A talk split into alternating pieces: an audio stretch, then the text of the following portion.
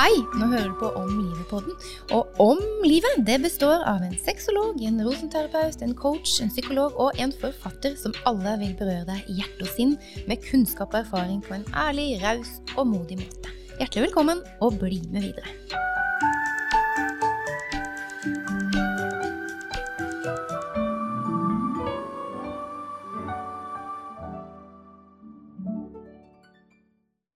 Og velkommen til Om livet-podden.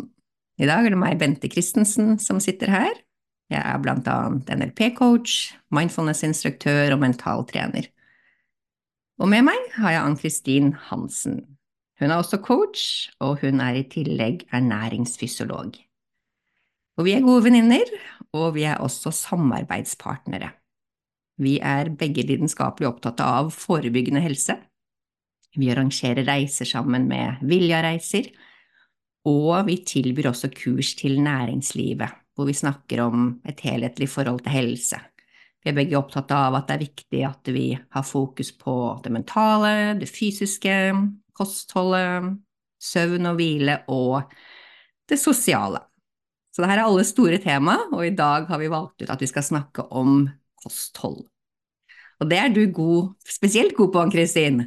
Så hvis du har lyst, så kan du gjerne introdusere deg selv og fortelle litt om hvorfor ble du så opptatt av kosthold?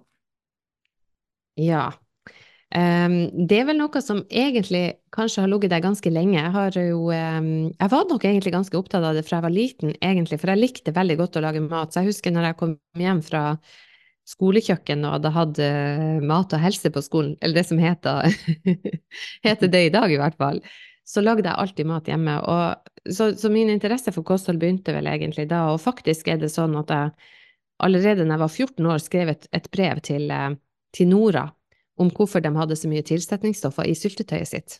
Nei, så, det, ja, så det er litt artig å tenke på i dag. Men, men den store interessen for kostholdet ble vel egentlig, som du sier, vi er begge opptatt av forebyggende helse, og jeg hadde jo jobba tidligere i legemiddelbransjen som der jeg jobba mye med medisiner, ikke sant, og folk er blitt syke allerede og, og blir litt slave av medikamenter, så tenkte jeg det må jo være mulig å gjøre noe før man blir så syk at, uh, at man må spise masse medisiner. Og så der var jo en interesse, og så i tillegg hadde jeg en del helseutfordringer, så jeg ble plaga med en sånn revmatisk uh, fikk en sånn revmatisk diagnose som gjorde at jeg ble satt ut sjøl helsemessig, og det jo, vekka jo òg min interesse for hva kan jeg gjøre sjøl for å få det bedre i mitt liv og i min kropp? Så det var egentlig der eh, det hele starta. Ja, spennende. Mm. Mm. Jeg også begynte jo eh, ganske tidlig å, å interessere meg for uh, sunn mat. Både trening og sunn mat var jeg egentlig interessert i tidlig alder, tidlig på ungdomsskolen, husker jeg. Mamma var jo egentlig alltid veldig opptatt av at vi skulle spise sunt òg, altså, men det, det, gikk på at skulle, hun lagde grovbrød, vi skulle spise grovbrød, og vi skulle ja. ha godteri kun på lørdagskvelder. Og jeg husker, ja. så hadde vi jo sånne godt år, hvor vi sparte alt godteriet vårt. Jeg husker vi hadde sånne bokser på toppen av kjøleskapet. Så vi, sparte vi alt godteriet vi fikk gjennom året oppi den boksen, og så fikk vi litt penger på slutten av året, og så spiste vi alt godteriet vårt. Men jeg var ikke så interessert når jeg var liten. Ehm, da ville jeg jo selvfølgelig spise så mye godteri jeg kunne hvis jeg hadde lov. Og jeg husker vi flyttet ja. til USA da vi var åtte år gammel, og det var litt sånn sjokk av å komme fra Norge hvor vi var vant til å ha Vi hadde kanskje en gråbrødskive med leverpostei i matboksen vår, da, et eple eller en gulrot, og kom til Miami. Og der enten, så husker jeg elevene, enten kunne de kjøpe mat på skolen, eh, og da var det sånn pizza, is, brus, eller så hadde ja. de Altså, I Norge hadde vi sånne små matbokser, men der var det sånne ja. store lunsjboxes, og de hadde jo de fylt med Altså, det var brus, det var potetgull, det var chocolate chip cookies Altså, det var helt ekstremt. Og jeg satt der med min ja. grovbrødskive med leverpostei og et gulrot eller eple, og jeg var så flau. Jeg satt og liksom gjemte maten min inni der, hadde ikke lyst til å vise den til noen. Og så en dag så sa læreren min i klassen Se på maten til Bente, sånn burde dere alle spise. det hjalp lite grann, da, men jeg var fremdeles flau over den, over den maten. ja. Ja, ja. Nei, det Men- der er utrolig interessant. Det, det, det der er, jeg, jeg husker sjøl også når jeg var Jeg for jo til USA også når jeg var 17 år, og da husker jeg òg når jeg sant, Jeg var jo også vant til å ha matpakke hjemmefra og sånn, og da hadde de jo også sånn skolekjøkken eller sånn på der, men det, vi fikk jo bare sånn nuggets og friterte ting, og Mm. det, er jo, det er jo litt sånn krise å tenke på i dag, faktisk. Ja, og når jeg ble med folk Mm. hjem fra skolen, så var det sånn afternoon snack. Da, da fikk, fikk du liksom gå og snakke på alt mulig av cookies og eh, potetgull og Og det her var hver dag! Det var helt ekstremt. Ja. Så, men jeg Ja. føler at vi, vi kommer litt etter i Norge også i dagens samfunn. Absolutt. Absolutt. Og det er jo litt sånn at eh, Og det er jo synd å si det, vet du. Det jo, jeg tenker på at det er jo, det er jo gjort en undersøkelse på alle de her tingene, og det er klart at vi spiser jo veldig mye ferdigmat og mye sånn som det vi opplevde da, eh, at de gjorde i USA spesielt, da. Um, Men nå er jo det kommet til Norge, og egentlig også i hele Europa, i mange av de landene som alltid har vært sunn. Sånn at, eh, så vi tar etter, så det er ikke bare Det er jo ikke positivt, alltid. Nei. akkurat. Og det var det jeg hadde lyst til at du skulle snakke om i dag. eh? Hvordan kan vi ta noen gode valg i forhold til hva det er vi putter i munnen vår? Og kanskje vi skal snakke litt også om at det er jo ikke alltid så enkelt å endre vaner. Kanskje vi kan få noen gode tips til hva vi kan gjøre. For det er, en jungel der ute i forhold til um, ulike dietter og i for, forhold til hva folk mener er det beste kostholdet. Noen sverger jo til uh, lavkarbo, noen spiser kun vegetarisk, noen har jo sånn kar, hva heter det, karnivor, hvor du bare spiser animalske Ja. produkter og ikke vil ha noen grønnsaker og um, frukt osv. Så, videre. så det er Ja. jo ikke lett å bli klok på hva er det beste alternativet. Og så er vi jo alle veldig forskjellige, så det er jo ikke sånn at en, et kosthold eller én diett passer for absolutt alle. Men det jeg ser da, som kanskje går litt igjen, og som mange er enige om, er jo det med middelhavsdietten, eller middelhavskostholdet. Hvor man da skal Mm. spise mye grønnsaker, olivenolje, nøtter, frø, belgfrukter osv. Mm. Hva Mm. tenker du i forhold til middelhavskosten? Er det et kosthold som passer for mange, og som er lurt å spise? Ja, jeg tror jo det, og det er klart at eh, det er jo det er veldig mye bra i forhold til den opprinnelige middelhavskosten, for nå er jo det litt sånn at dessverre så har jo alle de her USA-trendene, og det, det har jo liksom nådd Middelhavet òg, sånn at vi har jo mye mer eh, McDonald's og ferdigmat i de landene også, dessverre. Men hvis man tenker på den opprinnelige middelhavskosten, som da består veldig mye av masse grønnsaker og også fisk, ikke sant, for man har tilgang til det, og eh, så, så er det veldig mye bra å hente. Oliven, olivenolje, ikke sant, sånne ting. Um, og sånn at det er, det er jo veldig mye bra, og jeg tror at grunnen til at man kanskje anbefaler den fremfor å si at ok, vi, det er smart at alle blir vegetarianere, eksempel, så vil det være så mentalt frustrerende å skulle legge om så drastisk i sin livsstil at vi er jo nødt til å tenke, og det er jo litt sånn som jeg og du har snakka mange ganger om, at vi må jo finne den der balansen mellom maten og det mentale, sånn at ikke det du legger om av vaner i livsstilen din blir så frustrerende at, at du blir så stressa inn i det, for da kan jo det være mer usunt egentlig for helsa Mm. enn det du faktisk gjør med kostholdet. Så det kan jo gå, bikke over og bli for mye. Så da tenker jeg at middelhavskosten er jo en veldig sånn en sånn myk eh, inngang til å få folk til å spise mer grønnsaker og ha litt mer fokus på ren mat, for det er jo egentlig litt det det handler om. Mm. Og den er ikke så veldig rein. komplisert heller, den er jo relativt Nei. enkel å følge. Og det mm. jo Så jeg tror at det, og det er jo egentlig litt Ja, sant, og det er jo litt likt det vi gjør, gjør i dag. Det er jo bare det at i Norge, sant, så ser vi kanskje ikke vi har, vi har jo liksom ikke den enorme tilgangen på grønnsaker som de har i middelhavslandene.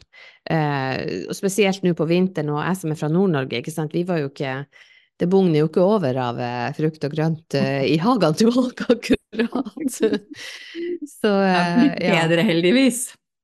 ja, det er det jo blitt, absolutt. Ja, ja, ja, vi har jo Jeg, jeg ble jo eh, delvis vegetarianer når jeg var 16 allerede. Da sluttet jeg å spise kjøtt og kylling. Jeg spiste fisk alltid, men jeg spiste eh, ikke kjøtt og kylling. Og da eh, jeg studerte i eh, USA på 1990-tallet, og der var det jo veldig enkelt å være vegetarianer. Det var jo mange som var. Mm. Og så kom jeg hjem til Norge, så skulle jeg på julebord, så ringte jeg restauranten på forhånd og sa du, jeg spiser ikke, mm, spiser ikke kjøtt og, og, kylling, kan jeg få en vegetarmåltid? og så kom jeg på restauranten, og det jeg fikk servert, var en stor tallerken med frityrstekt blomkål. Det var det eneste jeg fikk på 1990-tallet den gangen. Det har heldigvis blitt veldig mye bedre. ja. Det var jo ikke det så vanskelig lenger å være vegetarianer i Norge.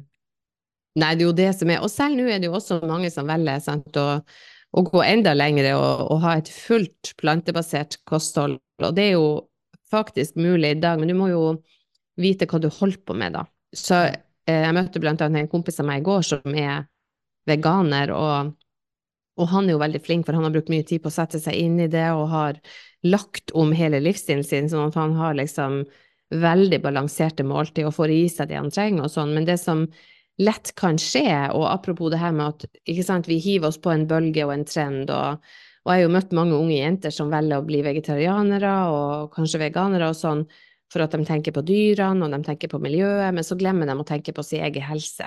Mm. Og da begynner de å spise masse pudding, ikke sant, mye sånne ja. soyapuddinger og masse ultraprosessert ferdigmat, og så mm. blir de egentlig mer usunne med det kostholdet enn de ville vært hvis de ja.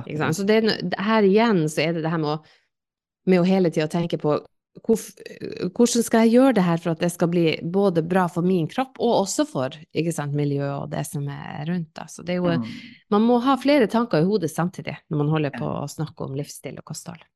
Men du, det du var inne på prosessert og ultraprosessert mat, det syns jeg er litt mm. spennende. Mm. Jeg tror mange ikke helt skjønner hva er forskjellen på de to, og er det nødvendigvis usunt å spise prosessert mat? Så snakk gjerne litt om det. Mm. Ja, og det tror jeg det er bra du sier, for at det er jo veldig mye fokus på det nå i sosiale medier og i media, og vi blir liksom Det blir slengt rundt seg med alle de her ord og uttrykkene, og så er det ikke sikkert at man egentlig eh, får helt med seg hva alt er. Og det er um, og det er fint at det blir satt fokus på det, og så er det veldig viktig å skille mellom det som er ultraprosessert, ikke sant, veldig, veldig, veldig prosessert, og det som er prosessert mat. For i utgangspunktet er, prosesserer vi maten hele tida. Så når jeg lager meg middag, når jeg steiker eh, poteten eller koker poteten, så prosesserer jeg poteten.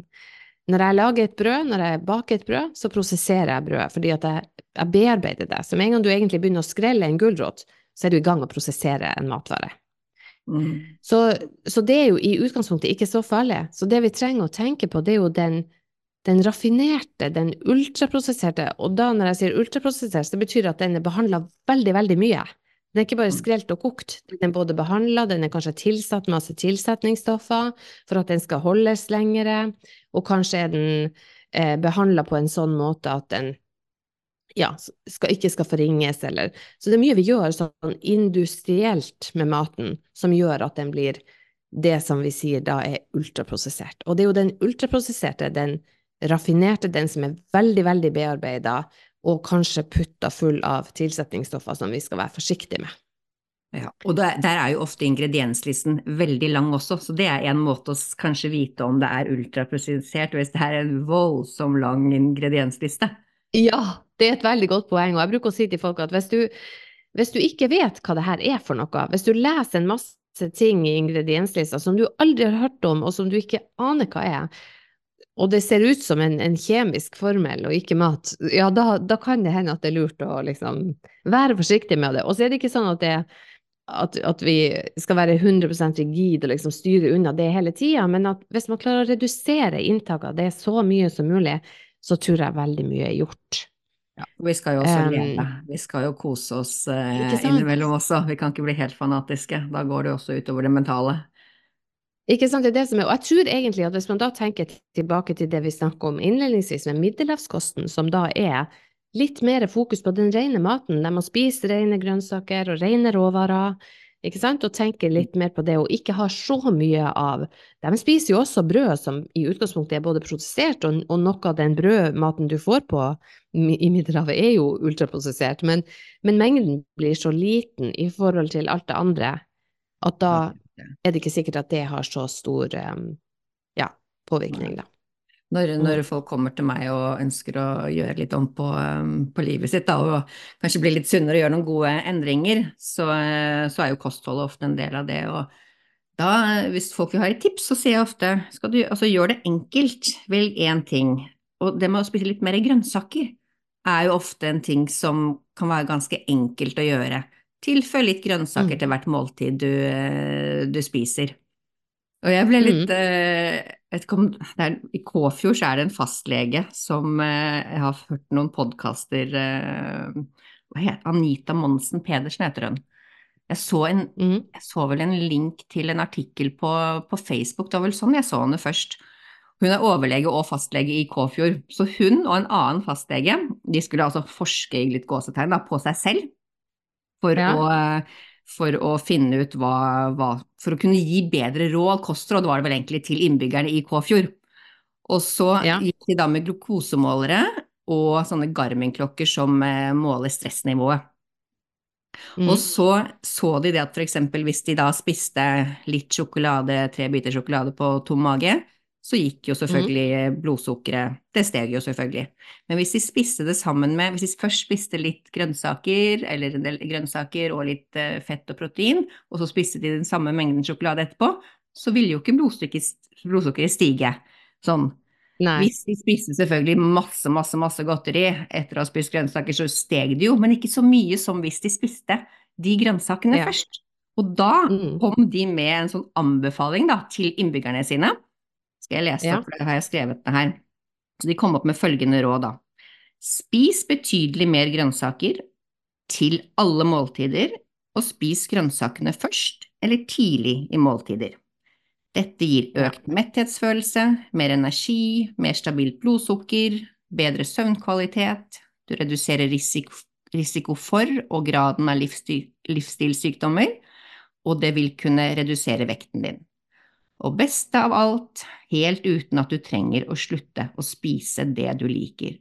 Og det her syns jeg var så utrolig kult at fastleger faktisk går ut og gir et så For det første at de forsker litt på seg selv, det betyr jo ikke at det ja. gjelder andre, men det er så enkelt råd. Og det var sånn hun legen sa, hun ja. sa at hadde vi kommet og sagt her er ti ting du må gjøre for å bli sunnere, så hadde jo ikke folk mm. å lese det. Men når du kommer med en så Nei. enkel anbefaling, så er sjansen mm. større for at folk faktisk eh, følger det. Mm, mm, jeg er helt enig, og det er jo helt genialt. Og det, det der er noe som, um, som jeg òg har erfart eh, ofte med, med sant? Jeg hadde jo min egen praksis i Tromsø i åtte år, og der møtte jeg veldig mange som skulle legge om sin livsstil. Og, da, og jeg har veldig trua på det med å heller fokusere på det du skal gjøre, istedenfor å fokusere på det du ikke skal gjøre. Så det mm. å tenke på det at ok, jeg skal legge inn mer grønnsaker, tenke på at jeg bruker å si til folk hvis du tenker at når du spiser middag, så skal halve tallerkenen din være full av grønnsaker. Mm. Og da kan du egentlig gjøre litt hva du vil på de andre, den andre halvdelen, men at du i hvert fall sørger for å ha en god porsjon også med proteiner, sånn at man får litt mer byggesteiner i kroppen. Da. Men, eh, så, så, det å sørge for å ha mer grønnsaker, og også, også etterstrebe å ha grønnsaker i alle andre måltider, for at også det her med, sant, med, som du sier, med blodsukkersvingning, så kan det være lurt å legge inn at hvis man tar et mellommåltid, eller For det er jo veldig mange som sant, får lavt blodsukker, og så har man en tendens til å ta noe kjapt. Mm. Og da er det mm. gjerne noe som påvirker blodsukkeret på nytt igjen. Mm. Og da får du veldig store svingninger, og det er jo i utgangspunktet det som, som både kan påvirke eh, helsa di, men også som kan gjør at kroppen lagrer mer fett, fordi at insulin er et fettlagringshormon. Mm. Så, så, det er veldig mange fordeler faktisk med å legge inn grønnsaker i, i tilknytning til et måltid, og gjerne før, fordi at da, da, da, da unngår du jo at du overspiser, som, som, veldig mange gjør hvis man går for lenge eller blir for sulten. Da. Mm. Jeg tenker jo i forhold til, til barn som får ikke, det er kanskje ikke bare lørdagsgodteri lenger, ja, men, men skal spise godteri, da få litt grønnsaker først. Mm. Før de putter i seg eh, grønnsakene, først grønnsaker og så litt eh, godteri. Mm. mm. ja. Apropos grønnsaker. Altså Før var det jo litt sånn at man noen gang fikk servert altså Hvis du skulle på middag, eller noe sånt, så, så, var det litt mer vanlig før at man hadde litt salat først. At du hadde liksom kanskje en skål med salat eller noe sånt. Og det kan være et triks, faktisk, for å eh, for å hjelpe på. Ikke, ikke bare av at du da ikke sant, hjelper kroppen med det med insulin og alt det her, men du påvirker også tarmbakteriene dine, og det er jo også en viktig faktor for å opprettholde helsa di, og det blir det jo bare mer og mer fokus på. Så det er òg et, et viktig poeng å ta med. Kjempespennende. De sier vel at 70% av immunforsvaret sitter i tarmen. Mm, mm. Det kommer jo mer og mer forskning, det er jo mye vi ikke vet i dag. Det er jo kjempemye Ja, som, ja, ja. som vi ikke aner. Ja, det er jo det som er. Og det er jo det som gjør det vanskelig også med å altså jobbe med kosthold, men også å, snakke om de her tingene. Og, det du kan jo si at noe av det som, som kanskje jeg opplever som noen gang litt frustrerende, er jo at, eh, at det er så mye bastanthet og så mye sannheter ute i sosiale medier og medier, og der man på en måte slåss om å eie sannheter, og så, og så er det jo bare det at jo mer man lærer om det her temaet, jo mer I hvert fall er det sånn for meg at jo mer jeg lærer, jo mindre føler jeg at jeg kan. Og jeg blir bare mer og mer ydmyk i at vi mennesker er så forskjellige, så en ting som passer for en, passer kanskje ikke for en annen. Og at, at det er så mye vi ikke vet enn at, at, at, jeg tør ikke å være bastant, egentlig, på, på noe. Og så tenker jeg at vi er nødt til å tenke hva er egentlig målet? Fordi at det som jeg erfarer og ser mye på sosiale medier, er jo folk som legger ut bilder av kroppen sin, og nå i media, ikke sant, nå i et nytt år, så er det jo ofte sånn at ja, gå ned så og så mange kilo, få drømmekroppen, bla, bla, bla. Og så er spørsmålet, ja, men hva er målet? Er det å designe en, et utseende? Er det å designe en kropp? Eller skal du sørge for at den kroppen du bor i, er en god plass å være? Mm. Og det er jo to helt forskjellige ting. Ja. Så det er mye lettere å designe en kropp, og du kan ete riskaker og cottage cheese herifra til evigheten, som veldig mange ikke sant, sverger til, for å gå ned de her kiloene. Men så glemmer man å tenke hva er det egentlig som påvirker den helhetlige helsa mi? For jeg skal jo leve i denne kroppen resten av mitt liv. Det er akkurat det. Ja, det er et Mm. veldig, veldig godt poeng. Det er, det er lett å sammenligne seg med andre og være misfornøyd en bruker mye tid på sosiale medier. Så det å være litt bevisst på hvem en følger også, er jo viktig. Mm. Ja. Og det er Mm. så viktig. Mm. Og så er det det at vi er jo ulike, ikke sant, så kroppene er jo forskjellig skrudd, og, og det er jo greit. Det Ja. skal vi jo være glad for på mange vis. Altså to personer Så, kan så jeg- spise det samme, og den ene går opp i vekt, og den andre holder seg helt stabilt, så det er ikke alltid så Ja, så kalorier inn og kalorier ut, som mange mener. Det er mye som spiller inn. Mye mm, det er det som er. Og det her med sånn som, sånn som jeg og du også snakker mye om når vi er i lag og har ikke sant, felles eh, foredrag og undervisning og sånn, så er det jo det her som vi har snakka mye om tidligere, det med å redusere det mentale stresset. For jeg tror at vi blir jo mentalt forstyrra av å sammenligne oss med andre hele tida, da blir vi egentlig kanskje aldri fornøyd, og det stresset der er jo kjempeskadelig for helsa. Ja. Så, så det å klare å Vet du, mange ganger når folk spør ja, hva er det du egentlig jobber med, så, så bruker jeg si nei, vet du hva, det jeg jobber egentlig mest med, det er å få folk til å slappe litt mer av. Ja, ikke sant. Vi jobber jo mye med det med.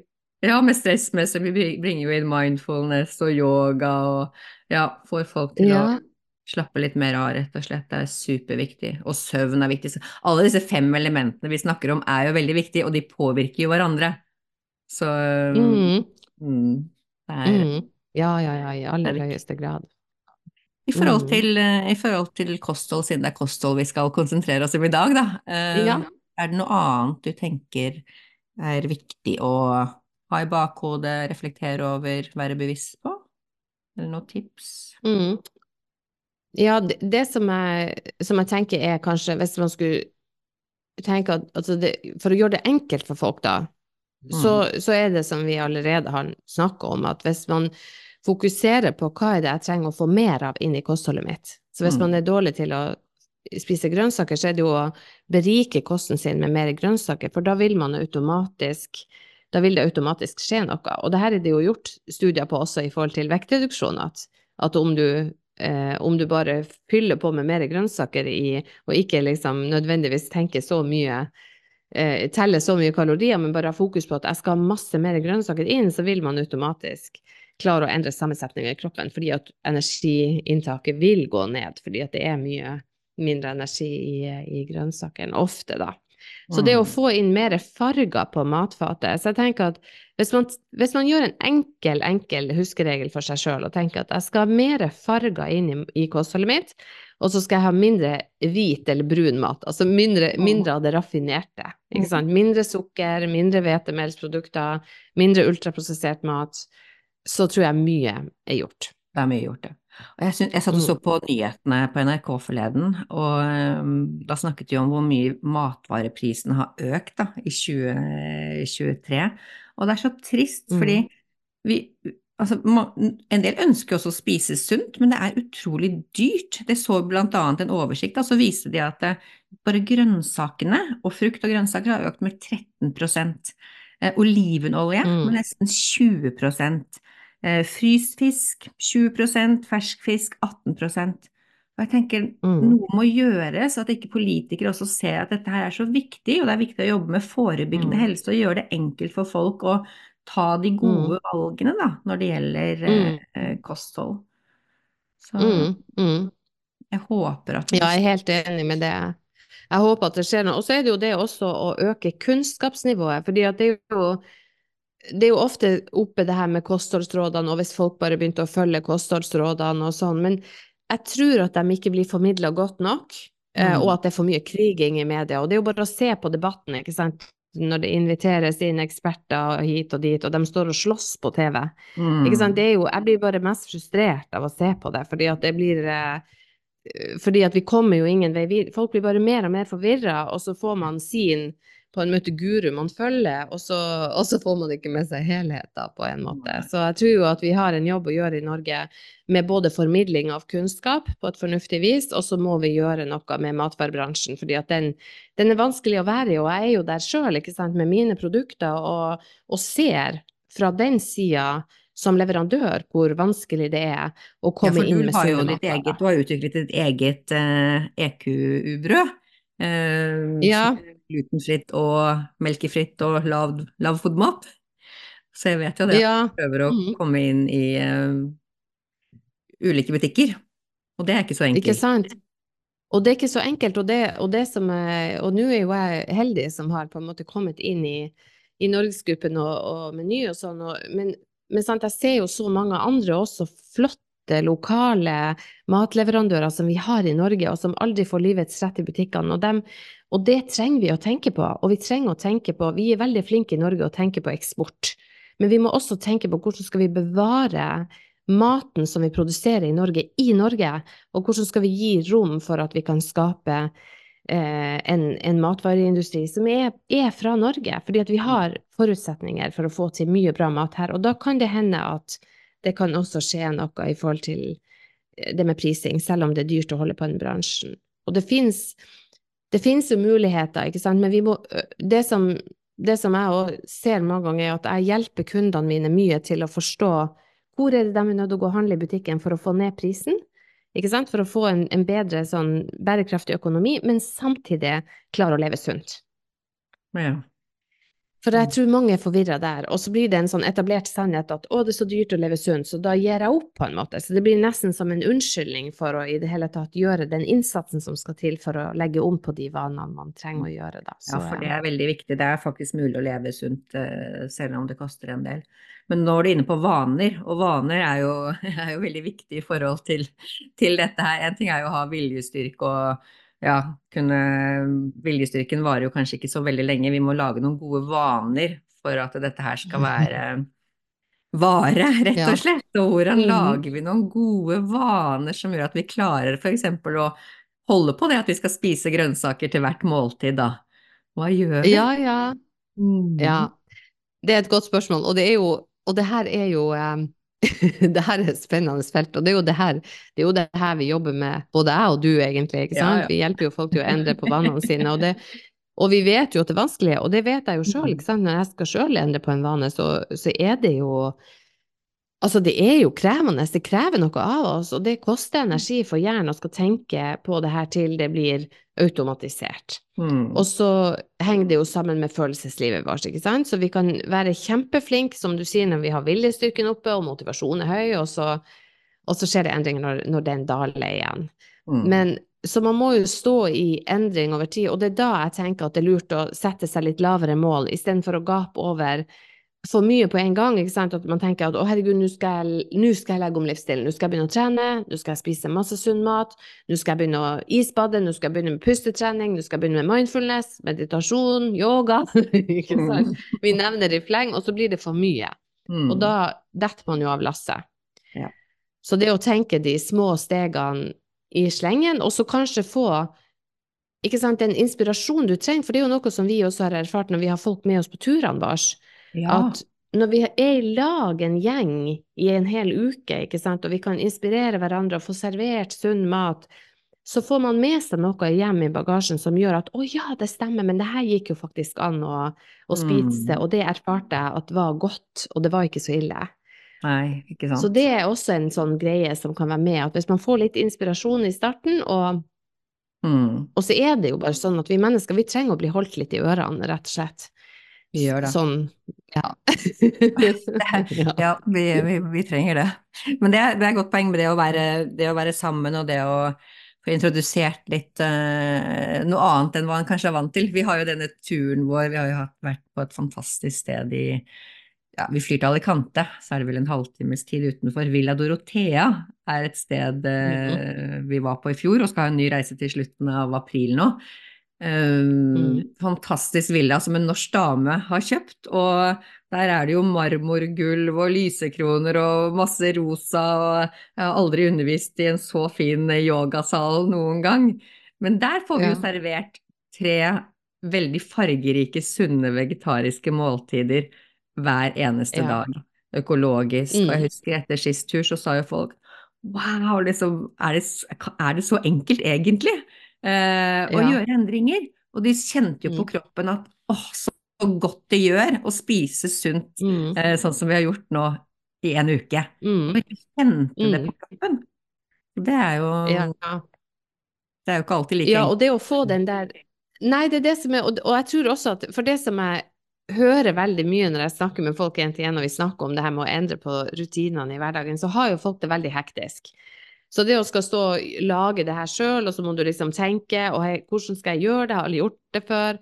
Så med å få noen sånne type enkle innføringer, og, og jeg ble jo også kjempeinspirert sjøl etter vi hadde vært der eh, Mm. i Spania hos dama som lagde så mye god mat til oss. Og det, og det er, gjør jo at man Det er enklere å tenke nytt når man kommer hjem, og at det trenger ikke å være så avansert.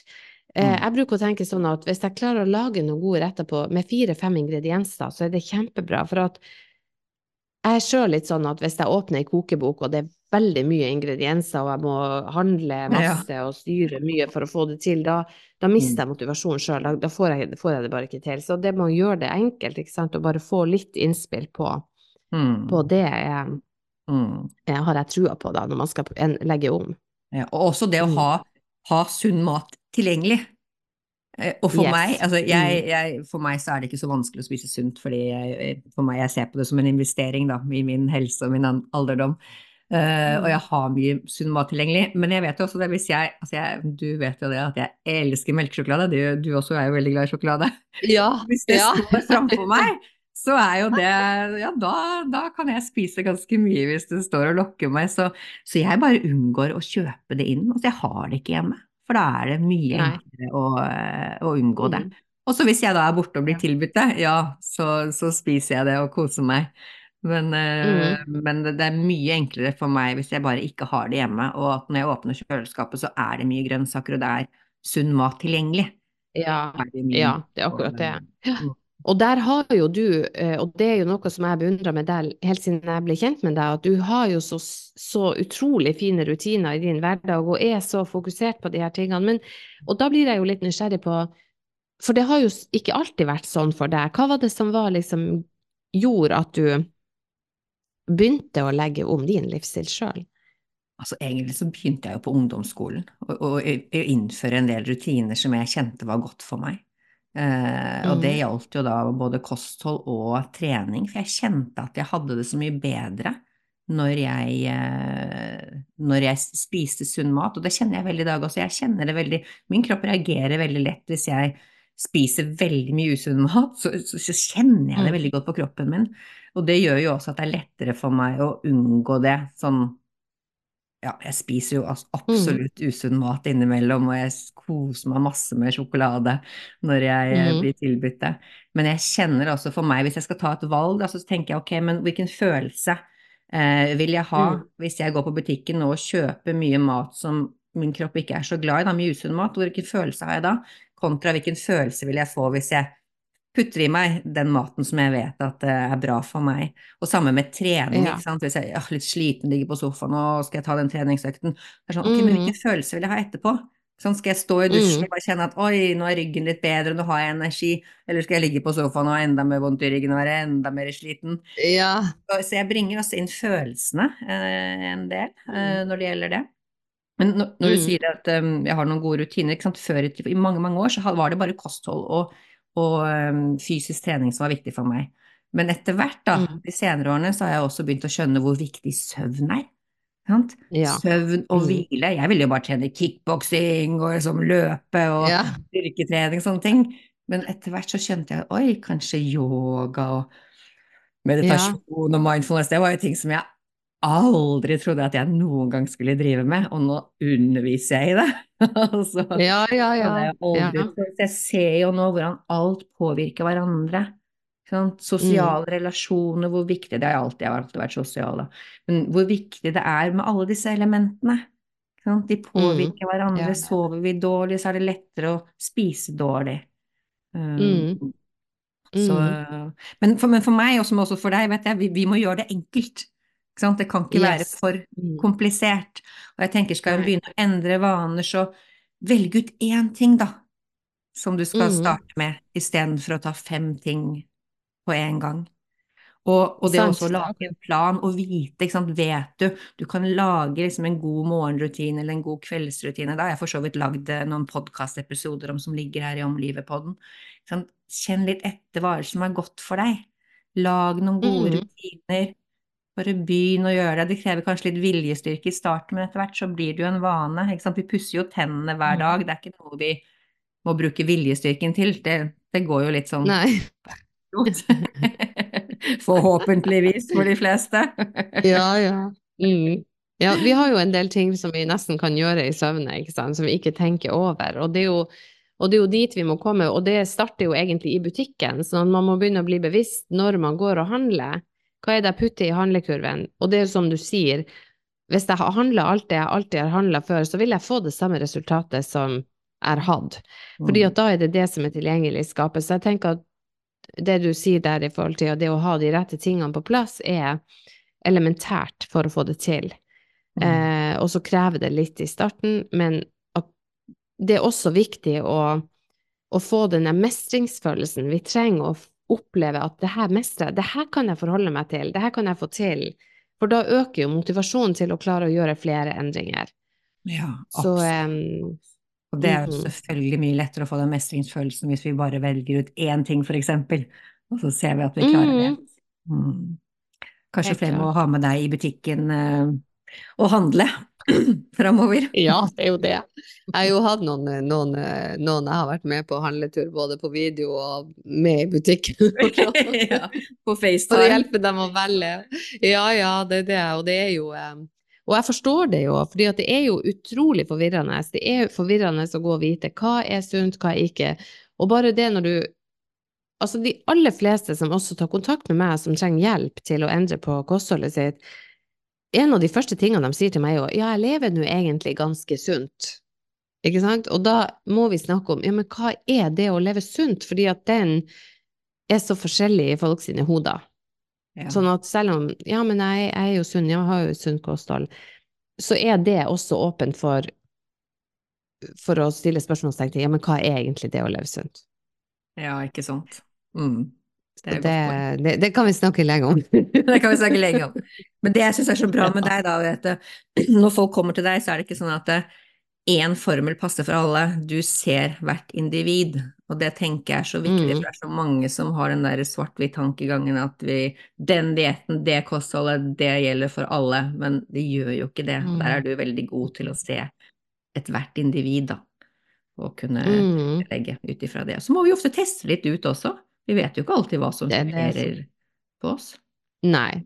Nei, det er det som er, og det er veldig fint å ha. Jeg, jeg føler at uh, med mine med kunder og dem jeg hjelper, så, så, føler jeg at vi er samarbeidspartnere. Så vi må prøve å finne det ut i lag. Og det er litt sånn som jeg gjorde med min egen kropp når jeg la om mitt kosthold fordi at jeg hadde betennelser i kroppen, jeg hadde plager med egen helse. Så, så begynte jeg å teste ut ting, og så fant jeg ut at ok, det funka ikke så bra, men, men, når jeg gjør sånn, så føler jeg meg litt bedre, og sånn. Så det å koble seg på sitt eget system, og det å lære sin egen kropp å kjenne, det tror jeg er viktig, og, og da kommer vi jo ikke sant, igjen tilbake til den sammenhengen med mindfulness, oppmerksomhet, hvor er vi, ikke sant, uh, og som også er så utrolig viktig for å få det her til, da. Så vi trenger jo å trene både på å være oppmerksom til stede for å få med oss hva er det, mm. hva er det som foregår, og så trenger vi å ta Som min bestemor brukte å si, hun brukte å si jeg tar nå bare ett steg i slengen. Og det syns jeg var så bra måte å liksom beskrive det her med at ja, men vi må ta ett steg i slengen for å klare å skape en vaneendring, mm. og ikke og det er viktig det du sier, at bevissthet er jo det som kommer først. Skal vi lede oss selv på en god måte, så må vi ha den selvbevisstheten. Vite hva det er vi gjør. Absolutt. Og så må vi mm. stemme oss for hva vi har lyst til å endre på, og gjøre mm. en, en, endring. Og noen ganger så kan det være fint å bytte ut en, en, vane med noe annet. Hvis vi har en tendens til å spise sjokolade hver eneste kveld, ok, kanskje vi kan bytte ut det med å spise litt frukt eller grønnsaker, da, istedenfor eh, mm. den sjokoladen. Så det å bytte ut en vane med en annen er ikke nødvendigvis så dumt å å gjøre. Nei, absolutt. Absolutt. Mm. Så jeg håper da at folk som har lyttet til oss, kanskje blir litt inspirert til å reflektere litt over om det er noe de kan gjøre for å få det litt bedre. Kanskje det, mm, kanskje det er noe i forhold til kosthold de kan, uh, kan endre på, eksempel? Ja, nettopp. Få inn mer farger. Farger i livet. Mer farger. Eksempel ja. spise grønnsaker til hvert måltid, gjerne som det første ja. du gjør i et måltid. Og Absolutt. hvis noen har lyst til å bli med oss på tur, så er jo det faktisk mulig også. Jeg kan legge ut en mm. link til, eh, til, reisen vår, den går vel 27. april? Ja, 27. april, ja. Og da er det jo rom for å få skikkelig eh, drahjelp til å gjøre gode endringer på seg sjøl. Mm. Absolutt, det er det. Og Ann-Kristin, hvis noen vil komme i kontakt med deg, hvor finner de deg? Ja, da finner de meg jo både på Instagram og på Facebook, ehm, men så har jeg jo også en nettside som heter annkristin.no, og så har jeg jo den sida eh, som er mer sånn matproduktside, ehm, som er equ.no. Der finner man også de produktene som jeg utvikler, og i tillegg Eh, er kontaktinformasjon der. Så, så, så meg er det ganske lett å få tak i, faktisk. ja, men jeg kan også legge ut noen, eh, noen linker i shownotes, sånn at folk enkelt kan klikke på de hvis de har lyst til å yes. Komme i kontakt med deg. Kanskje mm. teste ut brødet ditt, som er veldig godt også.